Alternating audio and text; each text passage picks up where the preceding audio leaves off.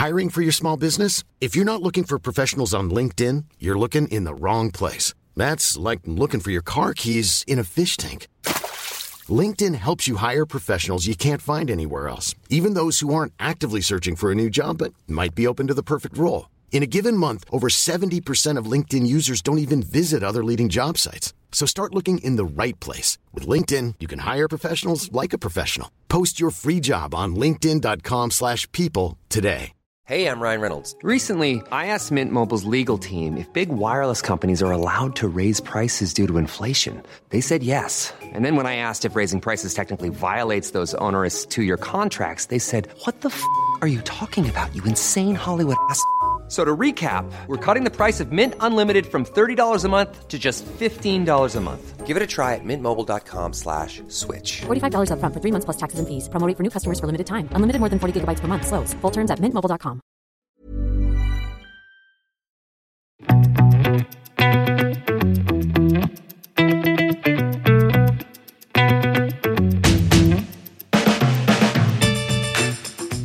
I dag skal vi snakke om vårens klokkeauksjoner. I både Oslo og Genéve, fordi det har vært auksjoner i begge stedene. På begge steder. Og auksjonene har vært små, de har vært store, de har vært middels størrelse. Eh, og beløpene de samme. Har du oppdatert noe særlig, Jon Henrik, eller er det liksom eh, Eller er det dette mitt domene, føler du? Jeg føler det er ditt domene. um, nei, jeg føler vel egentlig sånn helt ærlig at det auksjonskjøret, det er ikke helt min uh, min greie. How come? Jeg, jeg, jeg syns det blir veldig mye Det er mye fokus på penger, da. Det er det egentlig det? Veldig Ja, jeg syns det. Altså, når du, det er jo ingen som sier altså I forkant så er det jo sånn Å, se på dette utrolig gode eksemplaret, skriver da pressemeldingen. Etterpå så er det naturligvis Å, se så mye de solgte for. Men hva annet kan man forvente da når eh, Det er jo business det her som det er å selge vanlige klokker.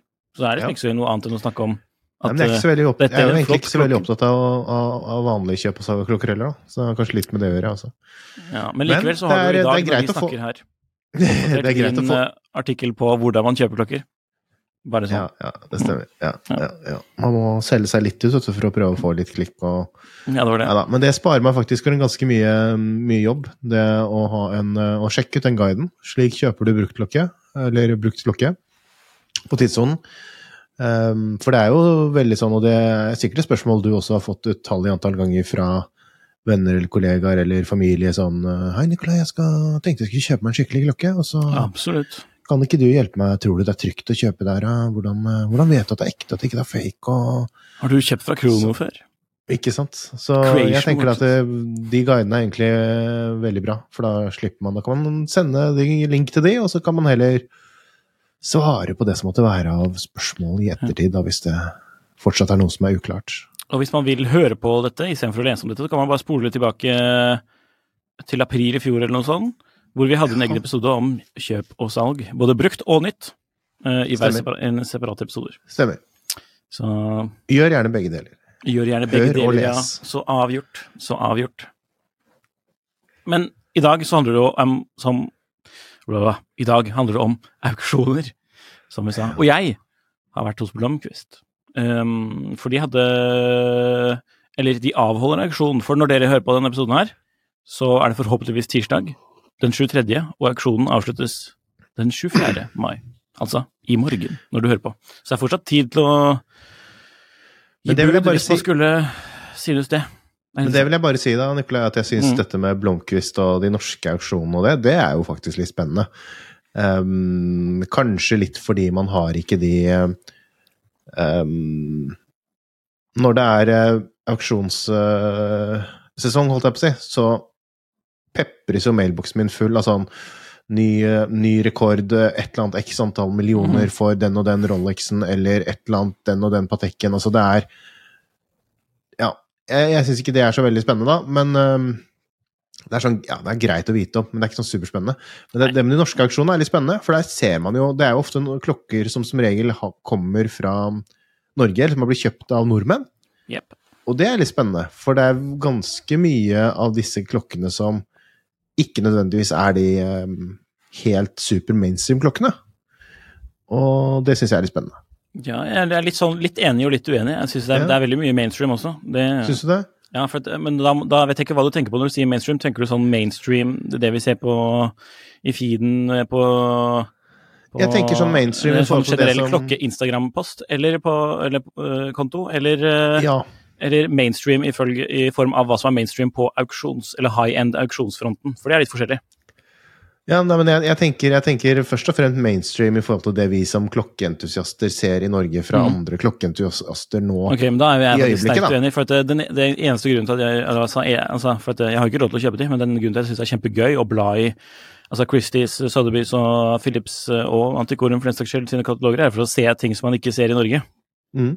For å se de klokkene som de med sånn used, usedvanlig god smak eh, kjøper. usedvanlig Det kommer god til. Og usedvanlig god råd, ja. Ja. Så ja. Men greit. Ja, la oss bare kjøre gjennom det litt, da, så Ja. ser vi um, Så jeg var jo da på visning dagen auksjonen åpnet, eller dagen før, det husker jeg ikke. Men det er ikke så mange objekter. 33 telte jeg. Ok. Så de hadde jo Kommer det noen flere fortløpende, eller er det, eller er det lukket nå, liksom? Eh, Det, de har jo, det de gjør, er at de har fortløpende klokker gjennom hele året. Og så har de noen oppsamlinger, sånn som nå. Oh, ja, riktig. Og det er da de 33. Det er flere klokker enn 33 til salgs hos Blomkvist akkurat nå. Men 33 Ja. 33 av dem tilhører vårens klokkeauksjon, eller hva det heter. Ja. Eh, Så ja, Lars Christian Tidemann, han urmakeren, er jo han som styrer med dette hos dem. Ja. Eh, skal vi bare gå gjennom de kuleste klokkene? Ja, du har jo vært der, du, så Ja, kjør ja, gjerne på ja, ja. litt. eh, Det var jo det var noen ting jeg ikke syntes var så veldig spennende der. De kule mainstream-klokkene. Ja, de kule mainstream-klokkene. Men det var, det var et par stykker da som, eh, som eh, fanget øyet. De fleste vil kanskje da tenke på denne Daytonaen som de har, fra 1963, som er også den dyreste klokken, og sikkert det som folk syns er uh, kjempekult. Mm. Eh, har du den eh, Skal vi prøve å dele litt sånn bilde, kanskje? Dele litt Ja. skjerm? Er det denne Newman uh... Ja, eller pre-Newman, eller hva man kaller det. Uh, igjen så kommer jeg da til kort på vintage Rolex, det må man jo bare si. se. Men det er i hvert fall en festlig klokke. Gammel, fin. Den har jo da den uh, sølv urskive og så sorte subdials, ikke sant. Og så er det jo en eh, en eh, Rolex uten Daytona på skiven, altså Cosmograph. Den kommer uten boks, eller med en sånn liten serviceboks. Så utover det så Ja, den har jo folded lenke og sånn. Er det den vi Eh, har oppe på skjermen her, eller? Det er den, vet du. Mm. Der har vi den. Så Det er jo med Valjou urverk. Ja. Og for de som er eh, ekte kjennere, eh, og det er ikke meg, så er referansenummeret 6239. Uh, igjen det er, jo, det er jo dyrt, holdt jeg på å si, men det er jo disse klokkene. Så 600 til 700 000 er estimatet, mens budgivning starter på 500 000. Da. Så, ja, nei. Det, pluss salæret, naturligvis, etterpå. ja, men jeg syns jo det er litt sånn spennende å se den type klokker her i Norge, da. Så se Det hvilken stand de er i, og jo Og slik jeg har forstått det, så er jo dette liksom- Det er jo som du sa, at det er jo nordmenn som leverer inn det her. Eh, denne Mm. fikk jeg ikke svar på hvem eh, Eller så spurte jeg ikke, men jeg spurte på noen av de andre klokkene hvem som eh, Eller om det var én eier, holdt på å si, opprinnelig eier, eller om vedkommende hadde skaffet den i Norge og sånn. Ja. Men det glemte jeg å spørre om her. Eh, Mm. Jeg tenker det er en sånn klokke for de som er veldig interessert i sånne klokker. Eh, Ja. Det var veldig det var godt sagt. beskrivende. Den andre klokken, da. Som, Men inngår det, eh, inngår det i de du syns er litt kjedelige? Ja, denne med bare fordi den var dyr. Sånn for å være helt ærlig. Ok. Jeg syns jo den er fet, jeg hadde jo gått med den selv, utvilsomt. Ja. Men det bare er liksom byttet- så far-fetched prismessig. Du hadde byttet den i noe annet. Hvis du hadde mulighet. ja, Og det kommer jeg tilbake til, uh, faktisk. For det, og det hadde litt sånn med trender å gjøre også, føler jeg. Men eh, som vi skal snakke om i neste episode av Klokkelandslaget. Ikke denne gangen, dessverre. Men nå går vi videre på neste kuleklokke. Zenit El Primero. Yeah. Da må vi også dele skjerm. Ja. Fordi her har vi litt eh, flott patina. Og den originale, originale uh, luftende lenken, man kan kalle det. Den har jo sånne uh, Stigelenke. Uh, stigelenke. Thank you. Mm. Og en Hva kalte du det? Du kalte det stigelenke. Ja, hva kalte du det? Ja, stigelenke. Ja, luftig lenke. Ja, Jeg skulle si luftig lenke, for den har jo du kan, altså den har jo Luftehull. luftehull, ja. Så den er liksom tropic uh, lenke. Eh, dette er jo da en El Primero, ikke i den runde urkassen, men denne, hva skal man kalle det, eh, mer firkantede. Ja. Med, Litt, eh, som litt mer, med litt mer sånn, litt mer profiler, à la det som var veldig kult på den tiden, ref, for eksempel Mm. Royal Oak. Um, Kommer så- en fin og jeg ser ja. Mm. ja. Hva syns du? Jo, den er vel fin, den. Mm. Eh, det var i sånn eh, nokså bra stand. Mm. Og fin patina. Den har sånn, fått sånn litt sånn tropical effekt. eh, Litt sånn eh, brunet uh, subdials og, og takymeterskala. Så det er jo slikt uh, samlerne ønsker seg, naturligvis. Og så står den nå på en sånn horribel uh, racingrem, da. Men det er Ja. naturligvis kjempeenkelt å bytte. Uh, Ja. Og fy, den var så grufull, den remmen. Men vi må tenke på at det følger med original lenke her, og det gjør den jo, så yes. Eh, her starter budgivningen på 90 000. Jeg vet ikke helt, jeg føler at eh, Altså, det det er jo vanskelig å, vanskeligere å få oppnå internasjonale priser i Norge, Mm. fordi markedet er mindre. Og Ja. det er ikke så mange utenlandske samlere, vil jeg tro, som følger med på disse auksjonene. Det kan jeg ikke garantere, men uh, Ja. Så den er fra 1970. Mm. Fin ennå. Ja. Kul. Nå har de begynt med Jeg husker om de hadde det forrige gang, men nå har de begynt med sånn gradering da, av eh, urverk og kasse. Som mellom tre til én, og Ja, riktig. Se der, ja. det er en sånn grei info. Mm. All right. Ja. Neste. Jeg skal kanskje ikke ta sånn oppramsing her, men altså eh, Disse to var kanskje de som Pluss den neste som kommer nå, var de som kanskje vekket mest oppmerksomhet. da. Det var de som Kan flest jeg ville se gjette hvilken det er? Ja. Er det det? En, ja. Det er, og den, for de som hører på, det er jo en uh, Hoier Monaco som kommer i originalboksen. Og den var altså så Den var så lite brukt, den klokka her, at det var bare Mm. noen merker nede på venstre lugg, tror jeg, eller på venstre Mm. horn, eh, som jeg la merke til. Ellers så var den uh, særdeles bra. Så det var kult. Den hadde også veldig mange lyst til å se på. Superfin. Ingen bud foreløpig. Så da jeg var der nede på visningen, så var det jo sånn tre sånne baser, da. Eh, altså med montere, og så var det en ansatt som passet på den, og så kunne du gå bort og spørre eh, om du fikk lov å se på. Eh, og når jeg gikk bort til den monteren hvor denne, hvor denne hoieren her var, da, med blå urskive og den skikkelig Steve McQueen-looken, Mm. eh, så var det ikke den jeg spurte om å se på, men jeg spurte om å se på en GMT-mast istedenfor. Da spurte hun, sa hun bak sånn er, du, er det ikke du som liker sånne rare klokker, da? Skal ikke du se på denne? Eller noe sånt. Så jo da. Ja, den er superfin. Ja. Jeg så Klasse den faktisk når jeg gikk gjennom selv Du det? for litt siden. Og jeg også så standen. Ser jo veldig bra ut. Noterer at det er kaliber 12. Ikke det første ja? kaliberet som kommer i. Som var kaliber 11, tror jeg. Kan det stemme? Ja. Så det Står noe ca. 1971. Ok. gikk 1971. Eh, ja. Og så var det en litt sånn artig, som jeg tror vi begge liker, sånn parkering, eller parkometerklokke fra Jeger. Ja. Nei, disse er jo kule. De er litt morsomme. Je le coultre. Så Det var um, den er nice. veldig fin. med Beads of Rice-lenke. Uh, den var uh, cool. Litt sånn uh, gunk fra previous owners, men det må man regne med når det er gammelt. Vasken den Så den litt. har jo denne, ja, den festlige uh, parkeringskomplikasjonen, da man kan kalle det det, hvor, hvor den Ja. teller ned til, til med inkrementer på Mm. gjenværende parkeringstid. Det er litt uh, utdatert når man kan bruke Easy Park, men, men dog. uh, hvor mye kastet denne, mon tro? 20 000, eller budgivningen startet på 20 000. Mm. 30 til 40. Yeah. Så det var nice. De er veldig fine, og de har jo gått litt opp i pris i de siste seneste årene, de også, hvis denne prisen er riktig. Det er en stund siden jeg så på, så på de her, men uh, Ja, det er jo basert på Memovo, mm. så med sånne doble kroner, én for å skru altså, altså komplikasjonen, én for å skru hånd, hender og slikt. Hånden, faktisk. Ja. Fin den òg. Eh, den hadde jo litt sånn Det var litt bruksmerker her nå. Det var jo en gammel klokke, for den var fra 65. Og det er det er sånn gøy med den derre- ser for meg at det bare er noen som har hatt, og så har de bare lagt i en skuff. Jepp. Jeg synes det er gøy at det står litt sånn som P. P-skilt. Med blå firkant på. Det er festlig. Uh, all right. Og så Her har vi en eh, skikkelig skrue.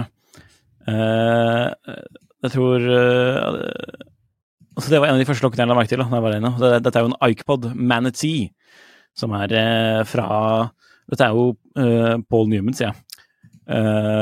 Mark Newson Design. Mm. fra dette Ikepod-merket. Kanskje dere husker da jeg eide en slik Pogue. Det var en rund versjon. Her er det en mer sånn eh, avrundet rektangulær form. Pog. Eh, automatisk klokke med stål urkasse, og så har du et slags Ja, det er vel en, en gummirem, og så en slags plastlås. Jeg husker ikke om det Jo, den var plast, den òg. Eh, sånn komposittlås. Og så er det bilde av en manatee på baksidene. Det stemplet inn i Jeg husker ikke hva manatee er. Er ikke det på norsk? Manatee, det er, eh, det er et animal, ja. Takk for det, Google.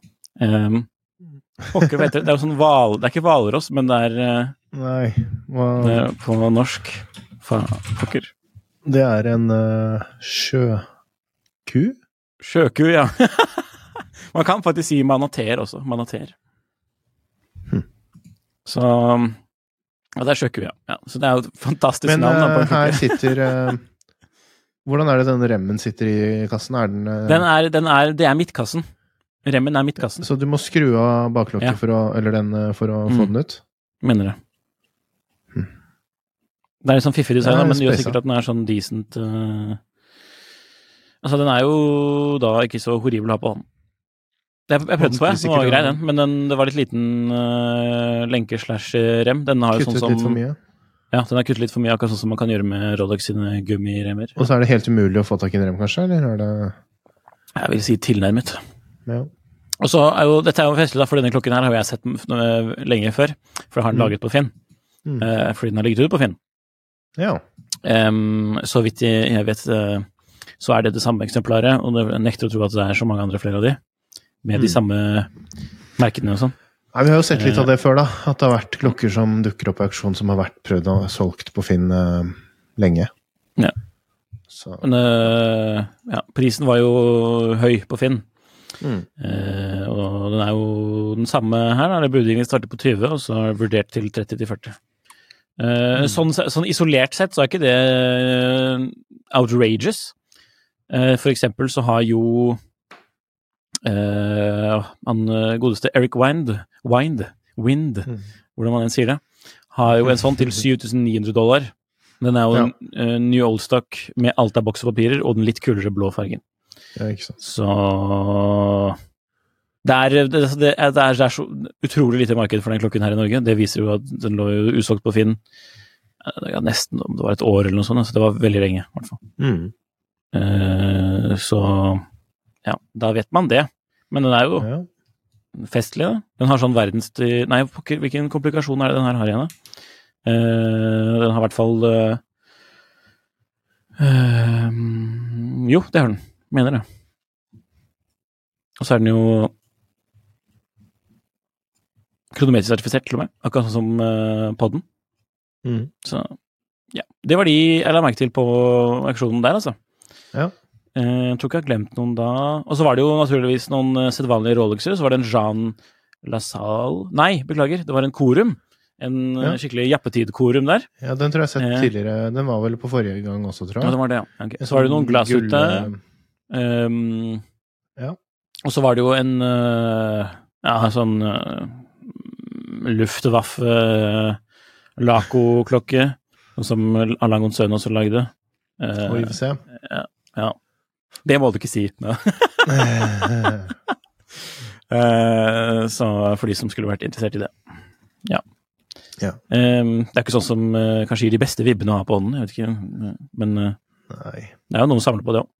Mm. Så fra Oslo til Genéve tenker jeg vi kan dra. Fly litt. Ja. Ja. Der har det vært litt mer um... Her har det vært mye som har skjedd, eh, for å si det sånn, på For at eh, Ja, jeg tror vi skal spare noen av nyhetene som kom uh, denne dagen, til en uh, senere episode, for det er ikke sånn som alle har fått med seg, og ikke kommer til å få med seg heller. Men det var fire auksjoner, i hvert fall sånn av de store. Ok, og hvem er de? Christies, Philips, Sotheby's Ja. og Antikorum. Ja, det har jeg hørt om. Da, ja. og jeg tror hvis vi snakker litt om på tallene her, så har du, eller på navnet her, så har du også eh, litt rangering etter hvem som uh, solgte de dyreste klokkene. Antikorum har jo det største utvalget sånn Mm. i antallet klokker. Mm. eh, 531 stykker. Mm. Eh, mens uh, Christies og Philips og Sotheby's de holder seg rundt sånn eh, Skal vi si, jeg tror Christies hadde rett i underkant av 200 klokker Mm. Mm. og vist fram. 159. Og så hadde de jo da enda en auksjon med bare FB Jorn-klokker. 33 stykker, tror jeg. Ja. Um, eller 30 blank. Pokker. Eller 40 blank. Nå husker jeg, det husker jeg ikke, men vi har det notert senere. Uh, og så hadde Philips de hadde kanskje, Jeg tror de hadde litt mer enn det. Så nærmere mm. 200. Og Sotheby's, de hadde Skal vi se om jeg får det opp. Ikke at det er så veldig vesentlig, men eh, de hadde 84. I hvert fall i part one, da. Jeg tror de kjører to deler, skjønner du. Ja. Men right. eh, er, det, er dette dette mye er jo- eller lite i forhold til hva det pleier å være? Vet du noe om det? Jeg vil uh, tro at det er ganske likt. Ja. Det, det, de fyller jo For eksempel Christies, de fyller jo én etasje på på Jeg husker ikke om det var Bø Rivage eller uh, dette hotellet som ligger rett ved den broa som går over uh, elva. Mm. Eh, og Sotheby's de er jo, pleier å være på den hotell eh, Mandarin, uh, mener jeg, og der er det jo flere rom.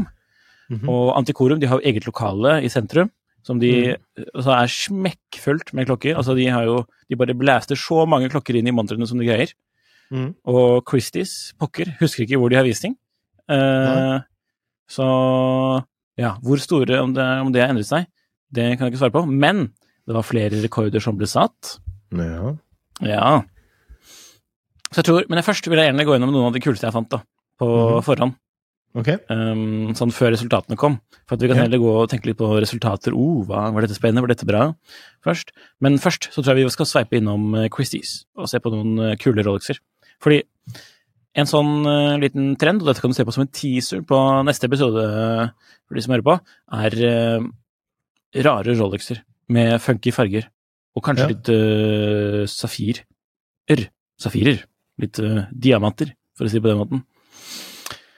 Og her så sitter vi nå og ser på en eh, daydate fra 80-tallet med burgunder og urskive og, diamanter for hvert eh, Altså rundt hele minuttskalaen. Og så per, på timen så er det en litt større safir uh, i blå. Uh, og det ser bare helt rått ut. Og det er jo daydate, altså det er et edelt metall, så gult gull. Fy søren. Dette er jo en sånn Stella Dial, da, som man uh, kaller det når det har sånne eh, spesielle farger. Dette er altså så dritfett. Jeg har jævlig lyst på en selv. Uh, ja, spare litt. Ja. Uh, jeg kunne greid å spare tallet, altså sveitserfrank-tallet i NOK, i, i, men i sveitserfranc not so much. Eh, den kostet jo, eller altså ja, klubbet til 50 000 sveitserfranc, da, og estimatet Ja. var 20 til 40. Men er det inkludert da um, Price realized skal være Jeg tror de viser med salær. Det er prisen på Når de viser totalprisen på på For estimate does not include uh, prim, buyer's premium and applicable taxes. mm. Ja. Så kan du sjekke cost calculator før man begynner å gi bud. Mm. Dette er en klassisk 36 mm, naturligvis, siden det Day 8, så gammel. Dritkul. Gå og titt på den her. Den har på seg en helt gyselig sånn uh, strutserem, men utover det ja, Ah, Remmen var kanskje det som var det dritfett klokke. med klokke. Du, du syns det? Nei, jeg må tøyse litt, da. Ah. Jeg vet jo ikke like struts. Ja. Jeg bare, for det ser ut som den har vorter, så det er ikke noe Men den her var så Altså For eh, fem år siden var jo de her mye mer approachable priset. Men åh, dritkult. Altså Folk må bare sjekke fotnote og klikke inn og se på den her, for det her bare Det oser eleganse. Eh. Og litt sånn uh, fuck you. Liker du det? Nei. De, og det må bare si at På Christies aksjon her så hadde de sykt mye steroider. Så jeg tror hadde telte 15 eller noe sånt av uh, 100 og et eller annet klokker. ikke sant? Det er jo morsomt. da. Hiring for your small business? If you're not looking for professionals on LinkedIn, you're looking in the wrong place. That's like looking for your car keys in a fish tank.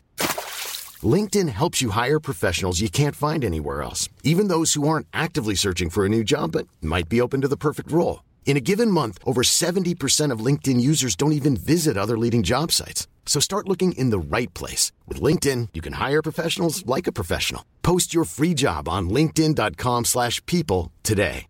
Okay, I have two new obsessions that I need to share with you.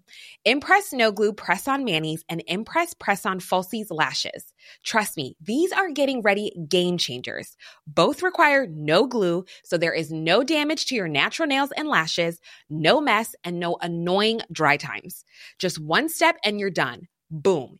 Instant glam. Visit impressbeauty.com slash presson and use code PRESSON25 at checkout for 25% off Impress Manicure and Press-On Falsies.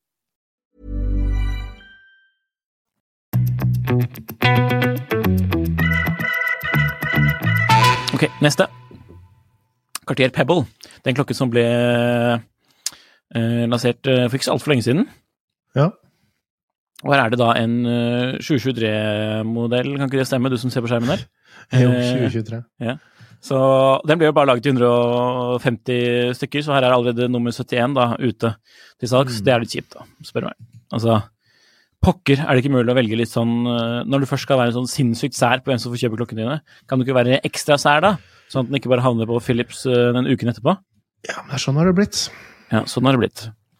Så dette er en av de kuleste lanseringene de siste årene fra Cartier, men så Ja, men det er jo herlig at noen får lov å kjøpe den, da, som ikke ble, var kul nok for eh, den opprinnelige eh, selek, altså så, eh, gaveutgivningen fra Cartier, som dette virker som, da, siden de nå får vedkommende selge for vesentlig mer enn de betalte. Den gikk for 106 000 sveitserfranc. Om jeg ikke husker helt feil, så kostet de her rundt 600 000 norske eh, når de var nye. Eh, litt usikker eh, Jo, det tror jeg stemmer. Så Forstå det, den som vil. ja, i det utgangspunktet var jo dritdyrt. Jeg skrev jo en artikkel i Kapital når den kom, det, hvor det avsluttet at det var hinsides dyrt for hva det var. Men så er det Kvarter har blitt litt sånn det nye bitcoin, er det ikke det? At det er bare man kaster penger på det, og så Det, er- det er rettelse. Rettelse. rettelse. Du kaster penger på privé-kolleksjonen. Ja, ja. Nei, det er det jeg mente, da. Jeg mente ikke, Ja, mente ikke at du skal gå inn og kjøpe en, eh, En must. en Cartier Diver eller en uh, Solar Beat eller hva det ja. Men uh, ja, ja, kul klokke. Gratulerer til vedkommende. Um, men igjen, litt sånn rart uh, at uh, skal være At den kommer så fort uh, ut på auksjon. Apropos komme fort ut på auksjon. Det ble jo solgt en, eh, hos, også hos Philips, for nå har vi hoppet over til Philips, ja. en uh, Biver-klokke Ja. av Det er spennende. Det er litt mer spennende. Altså, Dette er jo han- prototypen nummer Den eneste han har, mener du? Den Ja, for, og, det, og bildene ser jo faktisk ut som en rendering, så Ja, ja. Det spørs om det ikke er det. ja, jeg tror det. Så ja, dette er i hvert fall det eneste eksemplaret, og den eneste den eneste versjonen de vil gjøre av den klokken her, da, i denne konfigurasjonen, altså titan med den obsidian-urskiven. Mm. Ja, Titan, jeg syns jo denne folkens. klokken her er en merkelig, Den er merkelig, merkelig men kreasjon. Sånn i den vokser jo Altså, man kan jo ikke noe Altså, den er jo keg. Jeg vet ikke. Uh, jeg, jeg, jeg tror ikke jeg klarer å komme over det at Beaver-logoen ser ut som uh, Blancpain-logoen, ja, men, eh, Ja, men det er, det er jo bare morsomt. ja, men det er jo det er så rart. Ja, det er litt rart, men det er også veldig festlig. Fordi Liksom gjøre, man kan gjøre akkurat det man vil. For, for alt vi vet, så var det han som tegnet den Barn-logoen på en serviett, vet du, når han remaket uh, merket. Neida, det, det, det, Karvet det ut av et stykke ost. han uh, barberte uh, en av sine sauer Ja. til å skrive 'biver'. Ja. Nei da. Eh, jeg husker ikke om han var ostebonde nå, eller eh, var sånn sauebonde, men det var en av de to. Kan man Jeg, ikke, jeg kan føler det at den, denne her, jeg synes det er Hadde det stått et annet navn på skiven, så tror jeg ikke så mange Hadde det stått Jacob Co. på skiven, så tror jeg ingen hadde snudd seg til den der. Altså. Nei, og det, synes jeg ikke det, det mener jeg er ikke så rart heller. Nei. 1,2, eller i realiteten 1,3 millioner sveitserfranc. Mm. Spenstig. Eh, om jeg ikke husker helt feil, så hadde Biver en litt sånn festlig eh, eh, quote rundt hvorfor han solgte her. Mm -hmm. um, det var fordi han ville gi en ekte eh, klokkeentusiast muligheten til å være den første til å eie klokken, mener jeg det var.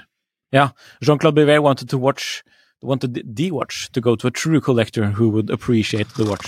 Not wanting to be one of those who choose the lucky owner, he decided to honor Phillips with the auctioning of his magnificent creation.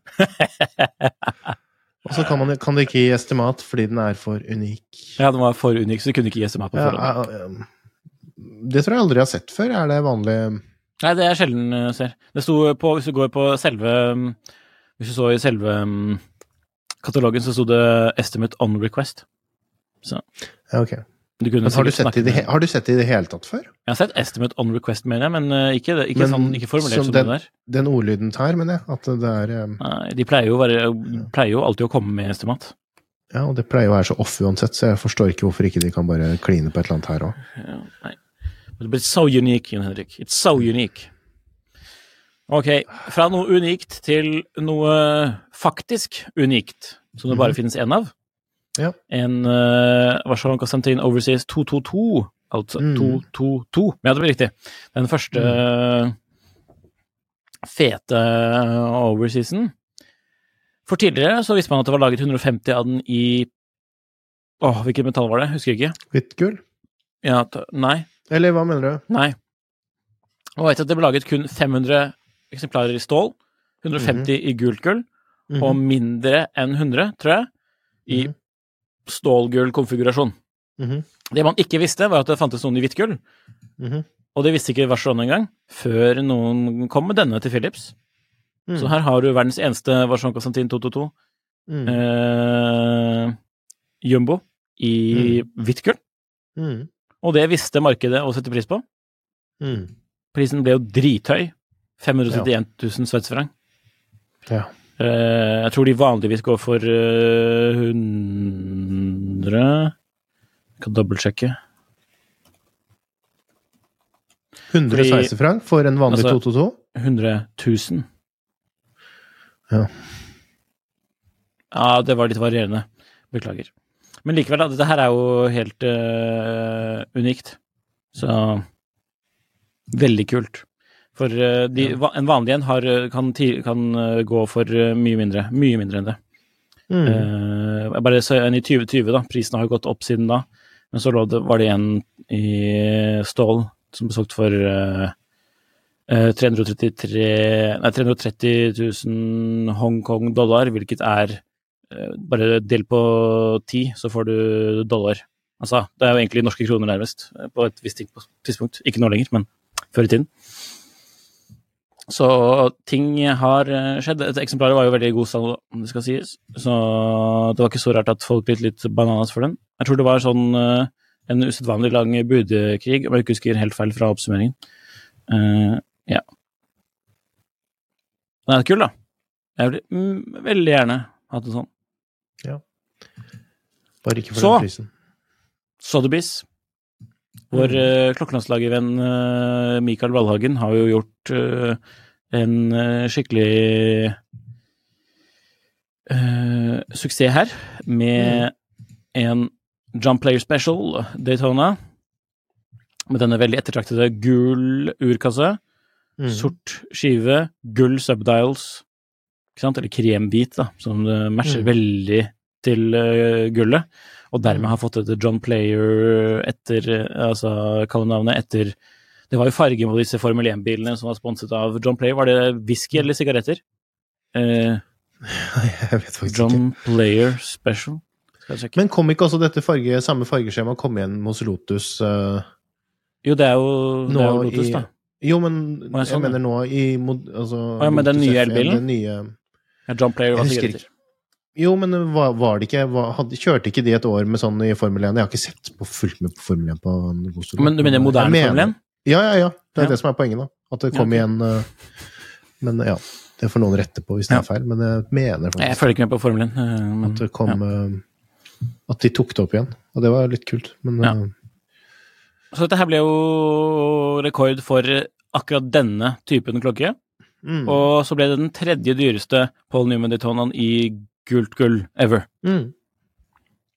Og det var fordi den ble solgt for, skal vi se 2,5 millioner dollar. Ikke småpenger. Nei. Det var jo ja, rekord for John Player Special. Sånn. Nummer tre i verden av Paul Newman Daytona gull. Mm. Kult, det. altså. Det var veldig veldig få øh, eksemplarer av den referansen her som kom i den konfigurasjonen av urskive og metall. Og det er denne som matcher best, da, syns flest, mm. Kombinasjonen. Så det er derfor den liksom makser ut på pris. da. Pluss at det var ganske distant condition på den her òg. Så da vi kan bare gratulere Mikael for den. Ok, sist ut blant de som var morsomme. Jeg måtte bare ta med en Rolex, da, så vi, en til Rolex, så vi gjorde folk eh, fornøyde. Eh, personlig så gjør det ikke noe for meg, eh, disse Blueberry-klokkene. Jeg, har, jeg mener at det har vært litt sånn diskusjon over hvor, hvor korrekte de er også, med denne Ja. blå beselen. Men jeg tror man har kommet fram til at det er ok. ja. Eh, og da GMT Master 1675-referansen mm. eh, Og her er det en klokke fra 78, som er Har riktig patina, eh, pen urkasse, Mm. ikke noe sånn eh, voldsom wear and tear. Og da skjer det jo at eh, prisene blir eh, fine. Så den var jo estimert til 40 eller 60 000 sveisefrang, Og åh, så har jeg ikke logget inn nå, da, for jeg har logget ut av profilen til å se hva resultatet var, for det noterte jeg meg ikke, naturligvis. Så. Men eh, ja, sorry. Da har vi gått inn med litt sånn favoritter. Spennende ting. Så du litt sånn kort gjennom, eller Henrik? Hva, hva er det du syns, da? Nei, jeg må si jeg følger ikke så mye med på det. Nei, men det jeg kan si, da Nå, tok, nå, nå valgte jeg litt sånn, litt sånn favoritter etter hva jeg tenkte folk kanskje syntes var gøy å høre om. Men ja. jeg syns at åh, når man blar i kat katalogen nå, så ser det jo veldig flott ut.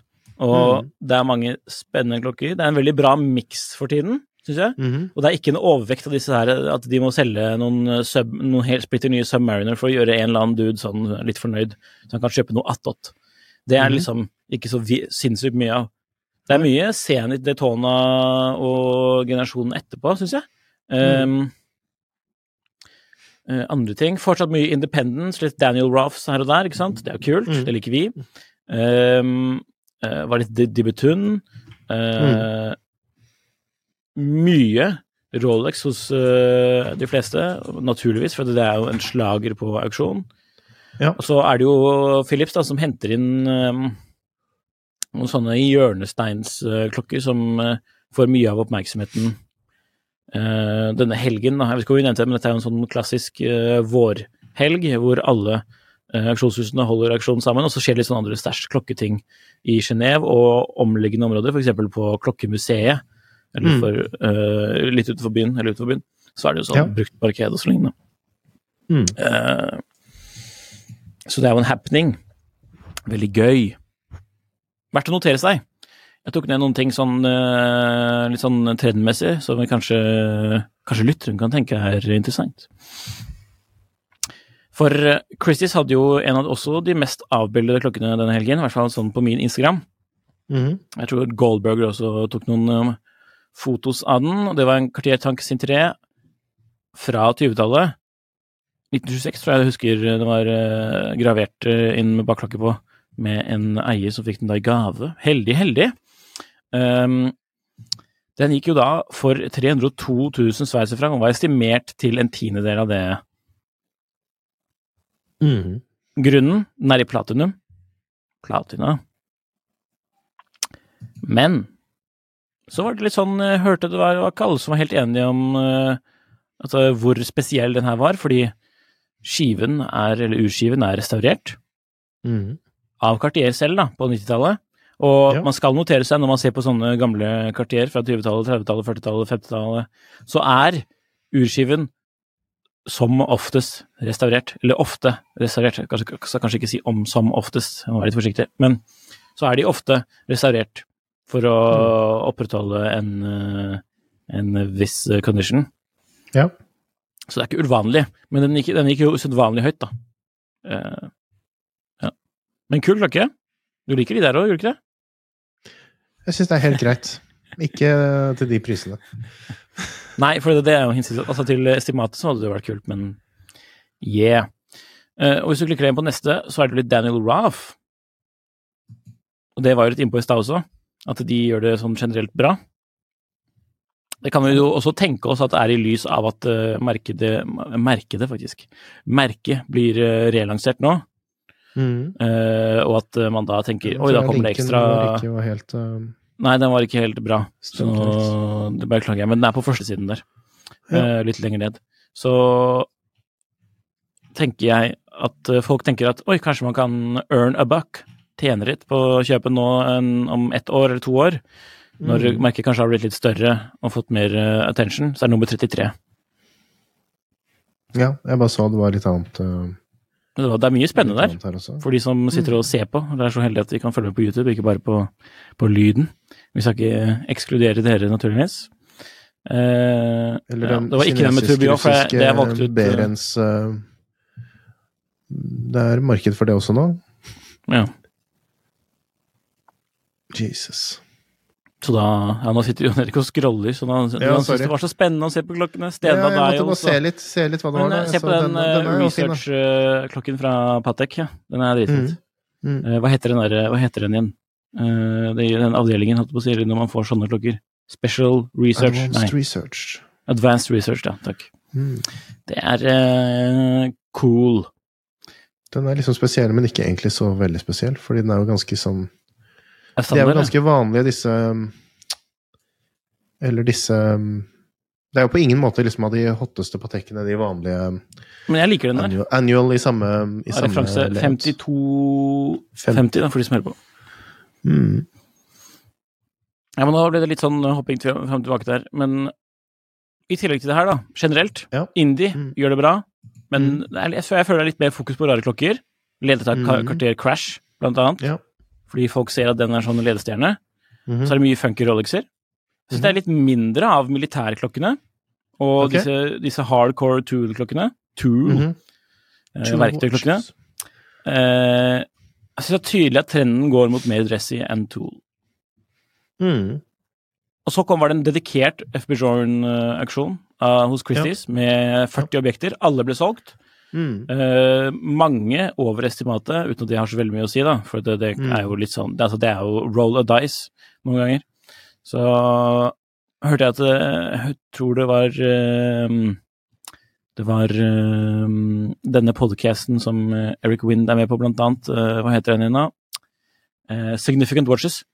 Eh, hvor det ble snakket litt om om eh, markedet ville tåle så mange eller Altså at, eh, at det var marked for så stor FB Shorn-auksjon samtidig som alle de andre. Mm. Eh, og tydeligvis var det jo det. Mm. Så det er jo sånn spennende ting å, å bemerke seg. Det var eh, min sånn oppsummering av, eh, av eh, vårens klokkeauksjoner, både i Oslo og Genéve. Ja, Takk for meg. Vær så god.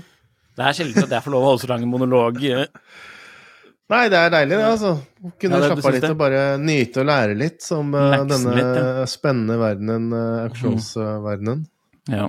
Og i, apropos i denne auksjonsverdenen, så har det også vært litt sånn uh, eh, Drama. Eh, det drama, fordi eh, han eh, Periscope, som har denne periscope.com-bloggen, har, mm -hmm. uh, han uh, går hardt ut mot uh, Philips og anklager da for at det skal ha vært sånn miksing og triksing med noen bilder Eller med noen At de har Ja.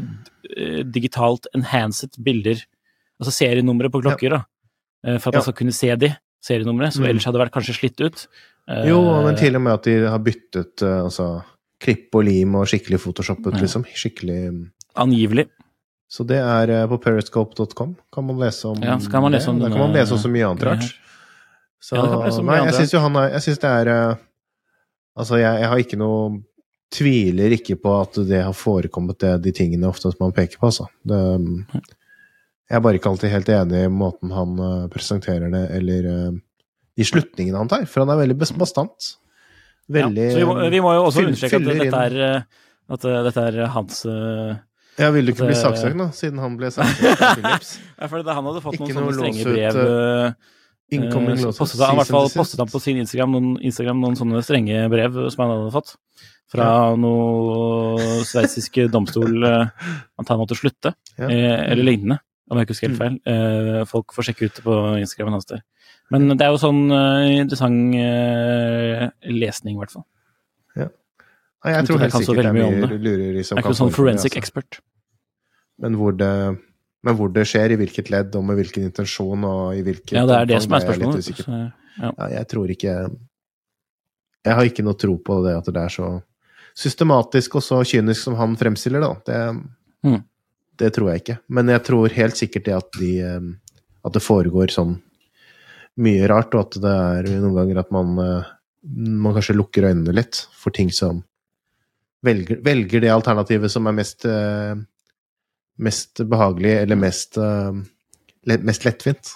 Ja, så tror vi kanskje nok ikke at det er isolert eh, hos akkurat i denne Philips. Altså i disse to partene. Mellom disse to Han har jo vært, men han har jo vært på flere, flere vært både på- mer, på- vært på merker flere. og auksjonshus og og, objekter ja. og selgere yep. og, og Han er også vill til å drive og påpeke når Panerai-sjefen liker altså bilder av uh, sånne Panerai som er litt tvilsomme på Instagram, for at han Ja. ikke følger med nok, tror jeg, når han trykker på like-knappen. Uh, eller assistenten hans, eller, eller assistenten, skript, som- skriptet ja. som klikker like på alle bilder og tagget Panerai Luminor. ja, Altså, da er det jo liksom Så det er alltid litt sånn eh, Ja, det er alltid litt forskjellig syn på, på sakene. Ja, det er Sånn, Eller altså ikke, altså ikke fra Ja, ja du, du, du, du forklarte det bra. ja. Skal vi ta Ja, en wrist Kunne hatt check? han som skulle hatt han som gjest, vet du. Da hadde vi Ja, blitt saksøkt herfra til morgen. Men det hadde vært morsomt, det òg. Ja, jeg tror det hadde gått an. Ja. All right. Gullkorn på Finn. Ja. En liten wrist check først. For at eh, ikke at, eh, Men det er jo Altså, når vi spiller inn her, så er det snart uh, 17. mai. Og da har jeg på min gamle Longin. Har du tatt på 17. mai- 17. mai-klokken allerede? Eh, der tenkte jeg faktisk at jeg skulle bruke Omegaen til eh, bestefar. Mm, det sa Eh, altså ikke denne longinen som jeg kjøpte i Genéve på auksjon, bare Mhm. på nett, da. Eh, På den Mhm. lokale finn.no-versjonen. Ja. Eh, ja. Hva har du på, Jon Henrik? Oi, steike! Det var stolen i studio som brøt sammen her. Nei, men så fin klokke du har, da. Ja, så fin. Mm. Varmer opp litt. Ja. En fin alarm. Nei, jeg tror faktisk ikke jeg skal ha på den på 17. mai. Jeg tar på den nå. Ikke den. Har nok på noe annet. Får se. Så Nei da. Ja, Har vi noe gullkorn, da? det har vi faktisk. La oss klikke oss inn på den. Ja. Dette er på Finn, for det er jo sånn det ligger i navnet. Men jeg føler at de siste gangene har det ikke vært så mye på Finn. Men uh, denne gangen er det en annonse med ordlyd jeg føler vi har hørt før. Ja. Også fra denne episoden, for denne gangen så er det en eh, 1965 Omega Seamaster Tachymeter Chronostop stål kasse i særdeles, med store bokstaver, velholdsstand. Ja, Ifølge spesialurmaker verdt 70 til 19 000, 19 000 i, 90 000 i dag, men vil i løpet av to til tre år stige proporsjonalt i pris. Kanskje 150 til 300 000 i 2025-2026. Enestående stand og kvalitet, og sjelden er den i hvert fall allerede i dag, har tilhørt ekte jagerflyger. Nettopp ettersett og renset av spesialurmaker. Legger den ut nå bare for å lodde interessen. Denne Seamasteren har allerede kult, med store bokstaver, status. Så når, nå, så når denne tar av, i anførselstegn, sky's the limit. ja, det er jo tidligere eid av en jagerfly, jagerflyver, så skyene er kun limiten, ja. Kun seriøse henvendelser blir vurdert, som veit hva kunst er. Snikksnakk, smiger og sullball blir bare kastet rett i søpla. Det er jo herlig skrevet, da, det må sies. um, Ja. vi kan jo, så kan man jo er, naturligvis eh, eh, si hva man synes om sånn, og prissette etter hva klokken vil være, angivelig vil være om to år. Ja. Nei, jeg, jeg har så god jeg, Jeg vil at denne skal være verdt en halv million om, om noen år, så da priser jeg den. Men så priser jeg den billig. 400 000 bare. Så røverkjøp. Nei, dette her er bare Røverkjøp. bullshit. Ja, dette er altså helt utrolig. Er, men altså, hvis det, altså, hvis det hadde vært en årsrapport fra et børsnotert selskap, så tror jeg det ikke hadde vært lov å si eh, Det hadde vært lov å komme med, det hadde vært lov å komme med estimater, men uh, not financial advice. Holdt jeg på å si. Jeg syns det er fantastisk. Ifølge spesialurmaker, hva nå enn det er, så verdt 70 000-90 000 i dag. Ja. Mm. ja, men da hadde det kanskje vært mer eh, fornuftig å prise det til det, da, som sikkert også er litt optimistisk, tror jeg, da. Men eh, Ja, i Norge i hvert fall. 90 000 for den der, tror du Jeg føler at det, fin- det, det finnes jo kanskje et knippe folk som hadde vært interessert i klokken til en eh, mer realistisk pris, ja. Men eh, ja. Men det måtte vært Til- litt norgepris, tror du ikke det? det måtte vært litt sånn Norgepris. Ja, hvor mye går de for i utlandet ditt der, da? Har du Ja, nå spør du for vanskelig. Ja, nå spør jeg. Jeg har jo ikke ettergått noen av Så brått så er det liksom 300 000 disse jeg går for, da. Så er det et røverkjøp. Nei da, men det Det er jeg er ganske sikker på at, det, at ikke de gjør. Mm. ja, Jeg kan jo ta et raskt søk eh, Så- mens vi snakker. Nei, jeg Men, tror eh, altså 70-90 er høyt, ja, men, men vi får Ja, det kan jo godt hende den er i god stand og sånn. Det er litt vanskelig å se når man tar Bildene er jo ikke sånn super, supre akkurat det gjelder, da. Så Men det er bare lodding og det er, det er satt i veldig direkte lys, uh, rett opp på lyset, så man ser liksom ikke helt uh, Også med børstingen og sånn. mobilkamera eller noe, så man ser ikke egentlig ting Ja. i, i Men så tror jeg at eh, sånn Så lurer jeg på om Er det her virkelig en kronostopp? Jeg tror det bare er en Seamaster kronograf. For at når jeg søker kronostopp, så får jeg bare opp sånne Seamaster med, med, altså med enhåndskronograf. Mm. Uh, så Jeg tror det er egentlig bare en kronograf. Ja. Så tida Nå hadde det vært festligere og mer, gjort mer research, Henrik, men nå, nå ødela du det. ja. Ah. Mm. ja, Dårlig. men uh, hvis folk Vært så eh, opphengt i disse aksjonene dine, vet du, så da ja, Nei, for det jeg mener var at denne, eh, den, denne forrige Denne andre annonsen som vi syntes det var litt lignende ordlyd i, som vi har, som vi har hatt tidligere, Det var også spesialordmaker brukt. Og, og det var jo en kronostopp. Ja. Så kanskje det bare er nesten litt sånn uh, klipp og lim uh, ja, for det var det også sånne, det var vel også lovnader om eh, at det skulle stige proporsjonalt til pris hos lengdene, var det ikke det? uh, ja, det Nei, er, det er litt spesielt, det der, altså. Det er lov å prøve seg, si. Det er lov å prøve seg. Mm, apropos det, så Den er helt sikkert solgt eh, når vi sender den episoden, men siden man skal gi eh, kjøpetips, så var det noen som la ut en sånn Psycho Ufo til 200 spenn her om dagen. Jaha. Jeg så det er 14 som har laget annonsen, så den er eh, sikkert eh, solgt i skrivende stund, men uh, Ja. Uh, bare søk. Nå er det man på etter, gode, Ur, klokke, Psycho. Mer fine Mer flotte ting som ligger på Finn? Ja, du mener det? Nei, altså nå, det var det du gjorde nå, eller? Nei, det er denne, altså denne Psycho Ufoen. Gode kjøp, mener jeg. Ja, den var jo faktisk godt kjøp til 200 millioner. Det er jo underpriset Mm. veldig, da. Mm. Uh, så den at den ikke går, da. Så man må, det er jo ikke hvem som helst som Det er jo litt sånn, Noen av de psykoene her er litt sånn sære å serve. Uh, Mm. Men uh, og apropos det, det så ligger det jo en kul eller blir 6139 på Tidssonen-forumet nå, i hvert fall as we speak, Mhm. eh, som har en veldig utstømmende annonse og, av en eh, selger som har peiling. Så hvis Mhm. man utsetter en sånn Pogue, så kanskje kan man titte litt der. Mm. Eh, jeg angrer veldig på at jeg solgte min. Åh, min Pogue med blå skive. Eh, og så har jo faren min en med gul eh, skive, men eh, den møtte gulvet. Et, ublidt møte. Så den har jo blitt Knuste glasset, eller? Ja. Så, men det fikset fikset. fikset. Skulle hatt på G-sjokk. Skulle hatt på G-sjokk. Han har G-sjokk, han har to stykker, så det er arbeidsklokke blitt etter denne fadesen. Yes. Da er det Jon Yes. Henriks hjørne. Jon Henrik svarer på et lesespørsmål, og spørsmålene er Eller, ja, det blir feil å si det på den måten, Ja. men nå kommer spørsmålet. Ballongum stilte et Ja. spørsmål, et langt spørsmål, spørsmål, ikke... om hvilke merker Nei, jeg, har jeg gått litt for fort? Ja, du har gått litt for fort, fordi det var, eh, det var eh, Dette er ikke spørsmålet. Det var bare Han stilte et veldig langt spørsmål som vi egentlig nesten ok. kunne gjort en episode på, men så tenkte jeg Ja. vi kunne ta ut noe derfra. Ah, Fordi han stilte et veldig langt spørsmål om, eh, om hvilke merker som på en måte er de største, hvem selger flest klokker, hvem har størst vekst, og så videre og så videre. Um, mye av det er jo ting vi egentlig ikke vet. Ting man ikke har noe særlig pålitelig data, og så blir det kanskje man kan prøve å regne seg frem til det, og så blir det Det blir så mye usikkerhet. Altså jeg er litt sånn usikker på hvor egentlig hvor uh, konstruktivt det i det hele tatt blir, når man tar Ja. Når det man baserer utregningen på, også er veldig, veldig usikre tall. Så men uh, en ting som er litt interessant, er jo at i denne Morgan Stanley og Lux Consult-rapporten, som vi var inne på uh, for noen episoder tilbake, var det Ja, og les min sak noe- i Kapital. kom ut noe i uh, våres, så var det jo en liste der som var ganske interessant, for det er jo litt sånn man, Det er jo litt den derre um, milliardærklubben av klokkemerkene. Og det gir jo i hvert fall litt sånn uh, pekepinn på hvem som er de største playerne, da. Mm. Og det er de som omsetter for altså over 1 milliard um, euro, eller antas å omsette over 1 milliard euro. Og i denne rapporten så var det jo um, Rolex på topp.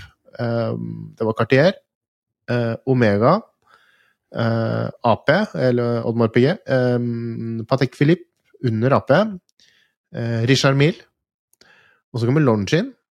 Og det var jo disse syv da, som i utgangspunktet var de man tenkte var denne milliardærklubben. Men så var det et møte hvor, um, hvor um, Om det var et intervju eller et møte med, med han, eh, Johan Ropert for eieren av eh, Richemont for litt siden. Og da kom det jo frem det, eller det ble hintet til, eller sagt ganske sånn, at det var eh, at Vacheron også nå har bikket eh, bikket eh, milliarden i mm -hmm. 20, 2022. Så da er det enda et medlem, og, og da Vacheron Constantin. Som kanskje er litt overraskende, jeg vet ikke. Hva tenker du? Ikke så veldig sånn gitt at de kanskje Overseas? har solgt sinnssykt mye overseas, ja. Ja, men tror du det bare er Overseas som ligger i det, eller som ligger i den, det pushet over der, da? Jeg, jeg føler liksom det Nesten. Jeg har aldri egentlig hørt det fra noen sånn veldig konkret, men jeg har liksom bare alltid hatt, for noen år siden da, så hadde man liksom kanskje et inntrykk av at det ikke det var så veldig bra stilt der. Og gjerne, gjerne da før seneste generasjonen Overseas kom, og det var vel i 20... Jeg Var det tenker at 2016, overseas 17 eller noe? er hovedgrunnen, ja, altså. Ja. Bare se hvor At det mye det var litt eh, hadde å si for Altså Riviere hadde å si for Ikke at det er så veldig sammenlignbart i verdi, men altså for eh, For Bom ja. Og Nei, altså, men jeg ser jo også bare det der når man ser på sosiale medier og sånn, eller uh, YouTube, eller Unnskyld. I USA nå, med en del uh, kjendiser og litt sånn yngre Ikke de helt yngste, kanskje, men sånn litt Litt yngre enn det som kanskje tidligere var sånn typisk Vacheron-kunde, uh, med disse to, to i gull og den limited eh, som kom for Mm. noen år siden. Eller var det kanskje i fjor den kom? Ja. Og det er liksom sånn litt overraskende Overraskende spottinger, da, å se disse folkene med, med de klokkene. Litt, litt kult, men også litt rart.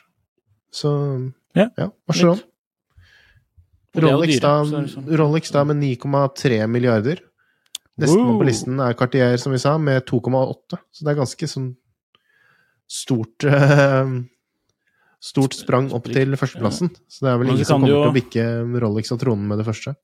Så kan du jo, hvis, men hvis du tar med liksom Altså hvis du tar med konglomeratene S som et hele, Mm. så er det jo sinnssykt mye spenn i Swatch Group, Mm. for eksempel, også. Mm. Så, som er volumledende, tror jeg. Mm. Mye reddet faktisk av sp- altså Moonswatch. De hadde jo eksportert færre klokker, hadde det ikke vært for Moonswatch. Ja, Det sier seg selv. At de hadde eksportert færre klokker hvis ikke de hadde hatt en million. Moonswatch. Ja, men de hadde da de hadde hatt nedgang, ikke sant, fra året før. Altså, Mm. at de hadde Ja, det hadde ikke vært noe Riktig. Det, Ja. det var mer, det var mer, ga mer mening, Nicolai. Åh, det her var hyggelig å studere Reddet studere av økonomi. Ja, for da snakker du antall enheter, ikke sant? Eh, Mhm. Men det har jo gått ned sånn egentlig hos veldig mange, da. På grunn av det at man priser seg oppover og så videre, og så har kanskje volumet gått ned, og så har eh, omsetningen gått opp. Men eh, Ja, hvis man, har lyst til å lese, hvis man har lyst til å lese mye om det, så har jeg skrevet en hel artikkel om det i Kapital. Ja. Eh, vi linke linker til i fotnotene, hvis man fotnotene kan, down below. så må man kjøpe abonnement. Yeah. Send inn flere spørsmål. Send gjerne inn sånne lange spørsmål som uh, ballong, ballong, ballonggum. Eller send korte spørsmål. Send eh, dumme spørsmål. Send vanskelige spørsmål. Send, bare send inn spørsmål. og send det inn på Tidssonens forum eller på Facebook-gruppen vår. Vi ser overalt. Eller på Instagram, for eksempel. Jon Henrik trenger flere følgere, så do it! At Haraldsen. Jeg har jo begynt å poste litt, til og med, på den eh, personlige profilen min. Ja. Eller en gang iblant, i hvert fall. Litt stories og sånn. Så, Jeg poster bare Volvo 940 og 240. Ja. Men uh, ja, nei, du er jo rene sånn influenseren, du, i forhold til meg. Masse. jeg har ikke postet noe på lenge. Altså. Eller se bort fra i går, da. Men ja, ja. Det var bil. Jeg solgte jo Volvoen min. Dæven, altså. Så kanskje man skal kjøpe seg en Rolex Submariner, si. Nei da. Eh, det, altså, nå ble det nesten en sånn mil etter mil-episode her, nå med å snakke om bil. Men um, du har vel tatt ut bilen din for våren? Jeg har tatt ut bilen og kjørt eh, en halv Tre meter. eh, Ja, jeg har kjørt eh, Ja, jeg faktisk, siste turen min var faktisk tre meter. Jeg måtte flytte, flytte den, for det var en snekker her. Og så måtte jeg flytte den, og så flytte jeg den tilbake inn. Det er de, en, av, en av de to turene jeg har tatt i dag var, eh, i år, har tre meter. Så jeg må ut og kjøre litt. Du må ut og kjøre. All right. Takk for at du hører på Klokkelandslaget, en podkast om klokker fra Finansavisen i samarbeid med Tidszone og sånn. Hei og hå.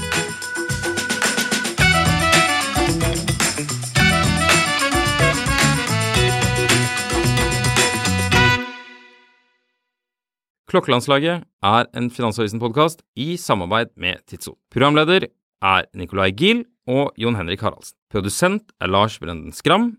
Podkast- og videoansvarlig er Marius Mørk Larsen. Og ansvarlig redaktør er Trygve Hegnar.